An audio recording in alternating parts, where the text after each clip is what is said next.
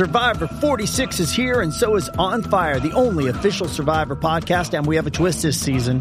The winner of Survivor 45, Dee Valladares, will be joining us every week. We're going behind the scenes of the biggest moments, the how and the why things happen, and the strategy and analysis you can only get from someone like me, a Survivor winner. Listen to On Fire, the official Survivor podcast, wherever you get your podcast.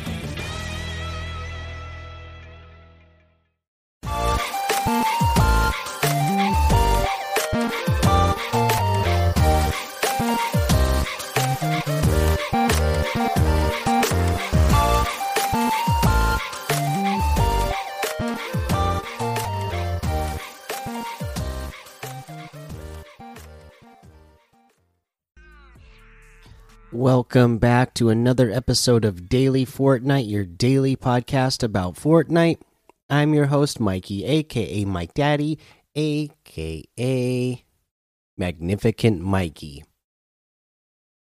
Okay, let's go ahead and go over the LTMs today. We still have comeback squads in here, uh, Para Royale for the community creation, and Team Rumble Siphon is still here as well. Again, that comeback squads that we talked about yesterday, this new LTM is a ton of fun. Check it out. Don't miss it while it's here. I don't know how long it's going to be in the rotation, but uh, you know, while it's here, uh, you know, play it because it, it is a really fun game mode. Uh, let's see here. In other news, uh, let's go ahead and talk about FNCS. Uh, they actually put this up yesterday, but we're going to go over it today. This is the FNCS Chapter 2 Season 5 semifinals update. So, hey, competitors, we're getting closer to the end of Chapter 2, Season 5, which also means we'll be crowning new FNCS champions in the next few weeks. As we hit the final stretch, we'd like to cover some topics you've been talking about uh, and even share the first details on next season's championship. Let's dive in. FNCS semifinals seeding.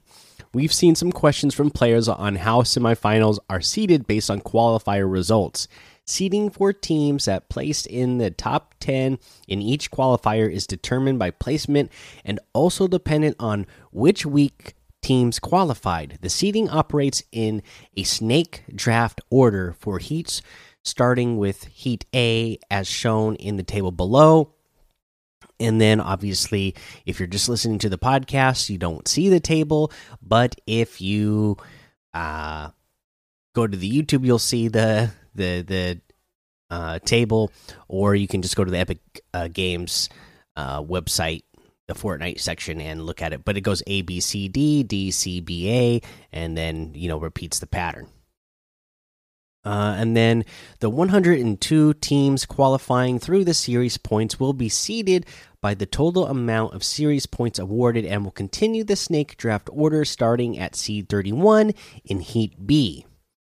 Uh, tiebreakers for teams with the same amount of series points will be determined in the following sequence: one, total qualified quali total qualifiers played; two, total full round four appearances across all qualifiers; three, total round three appearances across all qualifiers; four is the highest final placement in a single qualifier.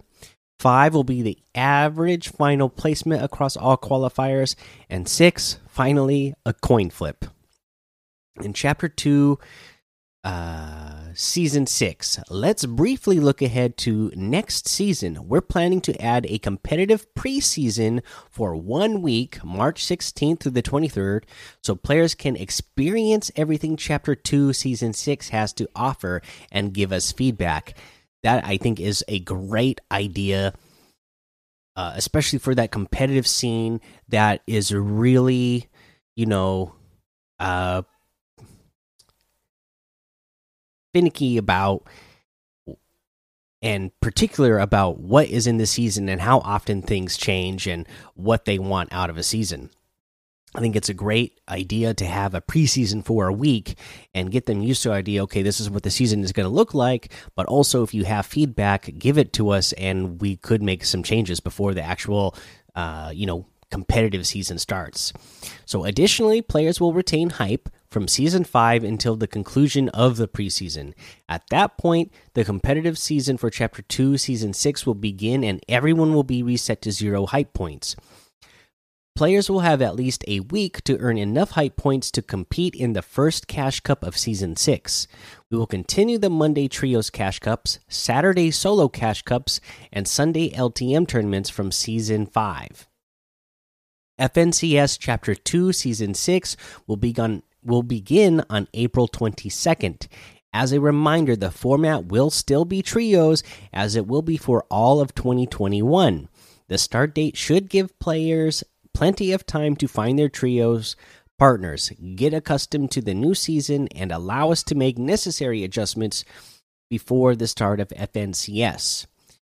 Speaking of adjustments, we're evaluating different options for tweaking how many qualify through series points and fine tuning scoring systems and formats for all competitive offerings. We'll share more details on the next FNCS season, along with the mid year event soon. Until then, we hope you enjoy the rest of this season's FNCS. Okay, so again, like they said, if you are planning on competing in uh, FNCS, uh, you know, and for the next season, hopefully uh, this gives you some time to get your next trio ready, or you know, like I said, hopefully you found a good trio right from the start, and you guys are sticking together, and uh, will continue to make improvements together for the next season. Uh, but yeah, that is uh, your your news update uh, for FNCS. Uh, there's not any other news to talk about today, so let's go ahead and get to a challenge tip. I wanted to update yesterday the uh, challenge I talked about yesterday uh, as well, where you need to uh, scan a surface hub, and I mentioned that you can find them at uh, Stealthy Stronghold and Hunter's Haven. There's also one at Colossal Coliseum that I forgot to mention yesterday, and they're all you know like in underground bunkers. So like the you know the underground uh, like bases that are in those uh, uh, POIs, that's where you're going to find the surface hubs or whatever they're called. And uh, so let's go ahead and do uh, today's challenge tip, which is going to be throw fruit at Hunter Haven. You need to throw three pieces of fruit and uh, just go to Hunter's Haven uh, there's a few buildings there that have kitchens in them. Uh, there's like three or four buildings uh, in Hunter Haven that have kitchens, and you'll find a box of produce in the kitchen, and you just got to open it, and hopefully you get yourself some apples and bananas, and then you can throw them, uh, and just keep going throughout the buildings until you find them. Or if you get eliminated before then, then you know go back and uh, in the next match and uh, get some more fruit out of whatever box that you did in the in the in the previous match. But yeah, that's pretty a pretty simple one. Uh, just kind of you know like the south end. There's one uh, that's in the uh, in the pool area. Uh, yeah, the the south end and on the west side i believe as well the building has a uh, a fruit box in it. Uh, but yeah there you go. Go go get those and get that done. Uh, let's head on over to the item shop and see what's in the item shop today. The street fighter bundle is still here. Uh, they did say that it's going to be rotating out soon. So uh, you know if you're wanting these go ahead and get them while they're here the Flash bundle is still here as well. The In Space bundle uh, is still here. And then today we have the Frontier outfit with the detonator back bling for 1,200. The uh, Brute Gunner outfit for 800. The Renegade outfit for 800. Classic. Uh, the Shattered Ice wrap for 500. The Hand Signals emote for 500 the burpee emote for 200 uh the dominion outfit with the flame sigil back bling for 1500 the burning beast glider for 1500 the Burning Blades harvesting tool for 800, the Malice outfit with the Malice Wings back bling for 2000, the Burning Axe harvesting tool for 1200, the Burning Glyph wrap for 500. And then we have a new emote, the pull up emote. Pull up and take the challenge for 500 V bucks. Uh, this was made by some, uh, you know, I think it's like one of those other TikTok dance things going on. Uh, so check that out. I can't remember what the guy's name is, Cole Sausage or something like that. Cole Saucer. Let me see. Yeah, I'll, I'll see if I can find it real quick. Uh, or I think it's on the news page as well. Let's go ahead and uh, look over back on the news page and we'll see. I think they say choreographed by Kale Storage. Okay, I don't know him. Maybe you guys do. Uh, but yeah, cool little icon emote there. Uh, we have the Aura outfit in here for 800 V bucks. Uh, the uh, Goldilock back bling for 200. The Diamond Eye harvesting tool for 500 the guild outfit for 800 the gold chain back bling for 200 the heart stopper outfit with the heart target back bling for 1200 and that looks like everything. So you can get any and all of these items using code mike daddy M M M I K E D A D D Y in the item shop, and some of the proceeds will go to help support the show.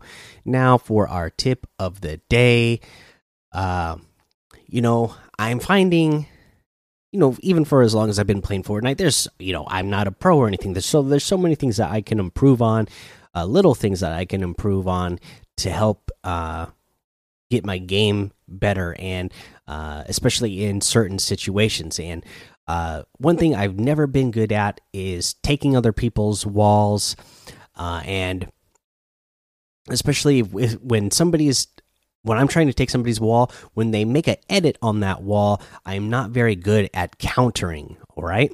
Uh, so if somebody edits their wall as I'm trying to take it, I'm not good at then switching back to my weapon and then shooting my opponent uh, while they try to shoot me. Now, here's something that you can do to make it so that you land more shots during these times. And because when I'm uh, at uh, somebody's wall and I'm trying to take their wall, I'm just swinging my pickaxe around like a wild man. I'm just swinging it all over the place.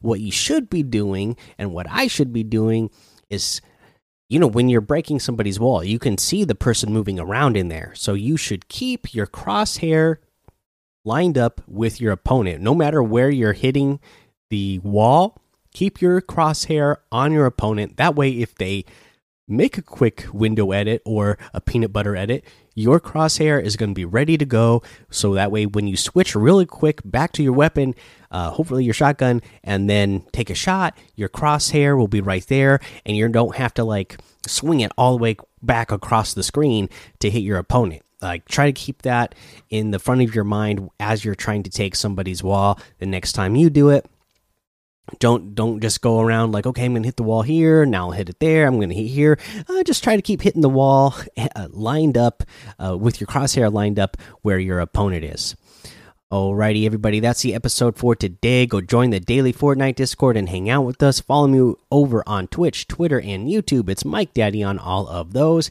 head over to Apple Podcasts, leave a five star rating and a written review for a shout out on the show. Make sure you subscribe so you don't miss an episode. And until next time, have fun, be safe, and don't get lost in the storm.